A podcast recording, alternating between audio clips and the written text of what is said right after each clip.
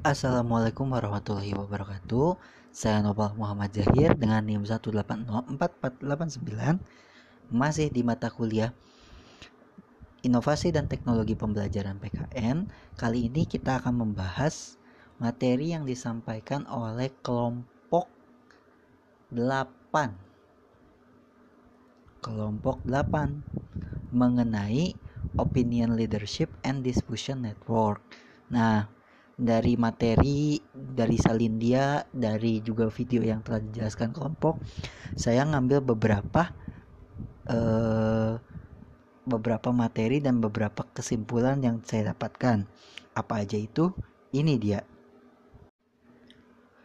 Nah bab ini kan menjelaskan tentang kepemimpinan opini ya jadi kepemimpinan opini adalah sejauh mana seorang individu dapat memengaruhi secara informal sikap individu lain atau perilaku terang-terangan dalam cara yang diinginkan dengan frekuensi yang relatif. Nah, pemimpin opini memainkan peranan penting dalam mengaktifkan jaringan diskusi. Konsep kepemimpinan opini berasal dari sebagian ataupun dari bagian model aliran dua langkah yang hipotesis bahwa pesan komunikasi mengalir dari sumber melalui saluran media, saluran media massa ya, untuk pemimpin opini yang pada gilirannya memberikan kepada pengikut.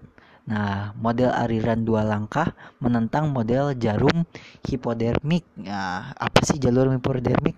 Nah, sebelum yang uh, sebelumnya itu kan mendalilkan bahwa media massa memiliki efek yang langsung.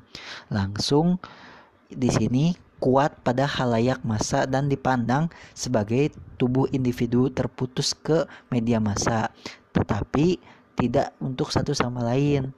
Penelitian sejak itu memperluas pemahaman kita tentang jumlah variabel langkah dalam aliran multi langkah. Nah, dibandingkan dengan pengikut, para pemimpin opini memiliki exposure media massa yang lebih besar, lebih kosmopolitan, kontak agen perubahan yang lebih besar, partisipasi sosial yang lebih besar, status sosial yang lebih tinggi dan lebih inovatif. Pemimpin opini biasanya menyesuaikan dekat dengan norma daripada pengikut mereka. Ketika norma sistem sosial mendukung perubahan, pemimpin opini ini lebih inovatif nih. Tetapi ketika norma tidak mendukung terhadap perubahan, pemimpin pendapat tidak terutama tidak selalu inovatif. Nah, adapun jaringan komunikasi yang terdiri dari individu saling berhubungan yang dihubungkan dengan aliran in informasi bermotif. Seorang individu uh, memiliki jaringan link. Nah, jaringan link ini apa sih? Adalah faktor penentu pentingnya adopsi dan inovasi. Keterkaitan individu dan sistem sosial secara positif terkait dengan inovatif individu itu sendiri. Nah, ada juga interconnectedness atau uh, saling berhubungan adalah tingkat di mana unit dalam sistem sosial dihubungkan dengan jaringan interpersonal. Nah, untuk bab ini sih uh, ada hal yang saya garis bawahi ya mengenai teori pembelajaran sosial.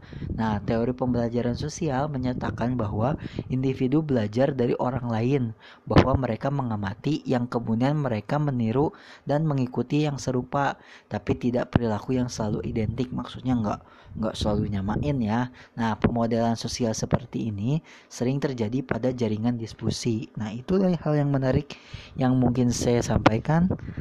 Terima kasih. Nah, lanjut ke sesi pertanyaan untuk kelompok. Nah, tadi kan aku juga garis bawahi tentang teori pembelajaran sosial yang menyatakan individu belajar dari orang lain nih. Nah, tapi tidak selalu identik. Nah, apakah kelompok ataupun uh, penyaji bisa menjelaskan nih ke saya apa yang dimaksud dengan uh, pemodelan serupa tapi tidak selalu identik. Nah, maksudnya dari sejauh mana sih seseorang bisa mengikuti atau uh, meniru ataupun mengamati orang lain uh, dan perilaku mana yang disebut identik seperti itu. Nah, pemodelan pemodelan ini kan dijelaskan sama kelompok nih dan, dan sering terjadi. Nah, bagaimana itu? Terima kasih. Oke, mungkin cukup sekian eh, pandangan yang dapat saya berikan sama pertanyaan yang mungkin bisa dijawab oleh kelompok. Semoga kelompok eh, bisa menjawab pertanyaan saya dan juga semoga para pendengar memahami pandangan yang saya ambil tadi. Sekian saya sekian dari saya. Saya Muhammad Zahir pamit undur diri. Wassalamualaikum warahmatullahi wabarakatuh.